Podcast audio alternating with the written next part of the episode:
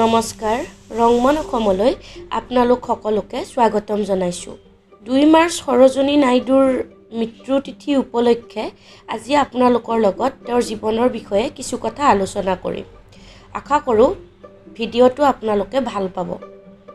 সৰোজনী নাইডু যাক দি nightingale of India নামেৰেও জনা যায় তেওঁৰ জন্ম হৈছিল thirteen February eighteen hundred seventy নাইনত স্বকীয় বৈশিষ্ট্যৰে পৰিচিত এগৰাকী মহিলা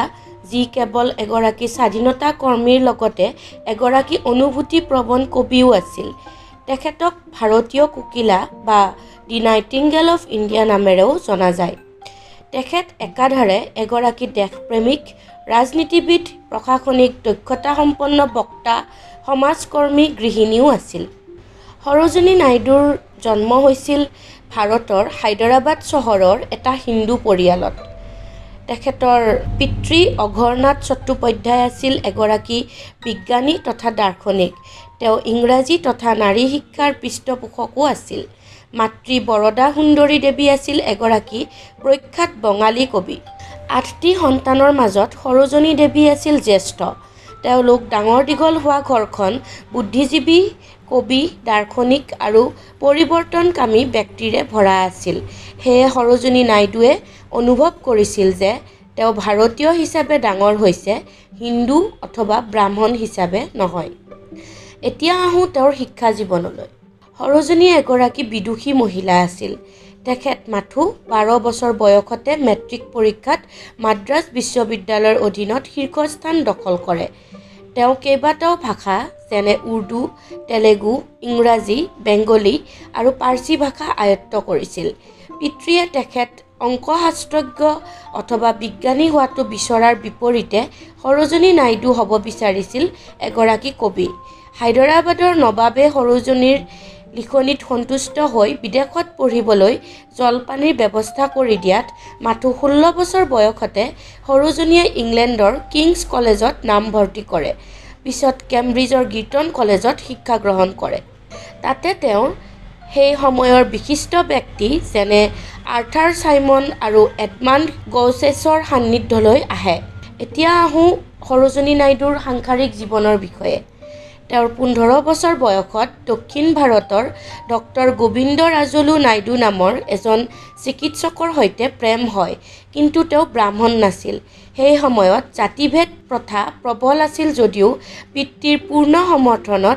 এইগৰাকী অব্ৰাহ্মণ লোকৰ সৈতে ঊনৈছ বছৰ বয়সত সৰোজনী নাইডুৰ বিয়া হয় বিবাহিত জীৱনত সুখী সৰোজনী নাইডু চাৰিটা সন্তানৰ মাতৃ আছিল এতিয়া আপোনালোকৰ লগত আলোচনা কৰিম সৰোজনী নাইডুৰ কৰ্মক্ষেত্ৰৰ বিষয়ে কিছু কথা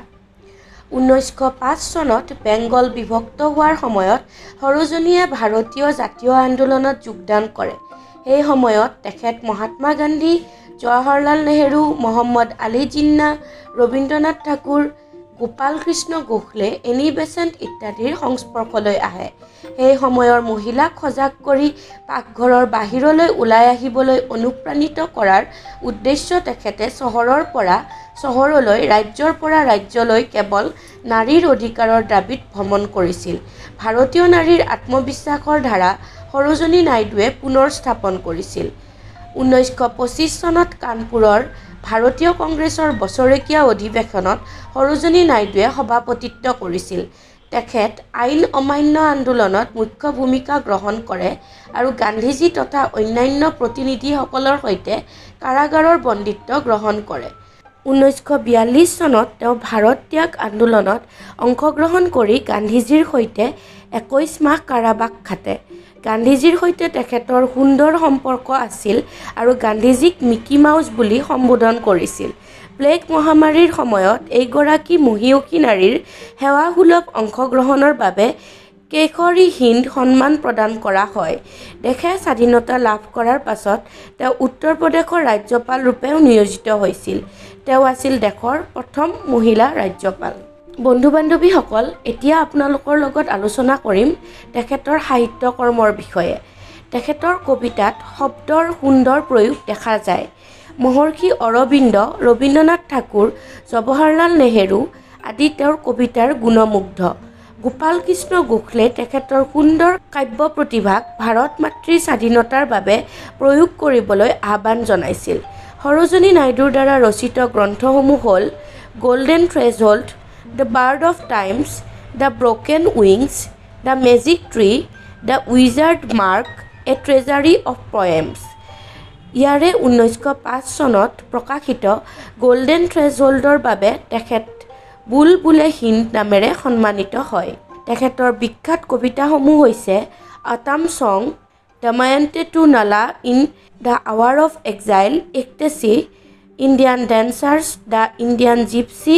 Indian love song, Indian weavers, in salutation to the eternal peace, in the forest, in the bazaars of Hyderabad, Laili, nightfall in the city of Hyderabad, the Parda Nasin, past and future, the queen's rival, the royal tombs of Golconda, the snake charmer, song of a dream, the soul's prayer, Suti, to a Buddha seated on a lotus, to the god of pain, wandering singers street cries মনে প্ৰাণে ভাৰতীয় সৰোজনী নাইটো নাৰী সমাজৰ বাবে গৌৰৱ nineteen hundred forty nine চনৰ দুই মাৰ্চত এইগৰাকী মহান ব্যক্তিৰ মহাপ্ৰয়ণ ঘটে মৰমৰ বন্ধু বান্ধৱীসকল এই দুই মাৰ্চ সৰোজনী নাইডুৰ মৃত্যু দিৱস উপলক্ষে আপোনালোকৰ লগত এই মহান ব্যক্তিগৰাকীৰ বিষয়ে কিছু কথা আলোচনা কৰিলোঁ আশা কৰোঁ আপোনালোকে ভিডিঅ'টো ভাল পাব আগলৈ এটা নতুন ভিডিঅ' লৈ অহাৰ প্ৰতিশ্ৰুতিৰে আজিলৈ বাবাই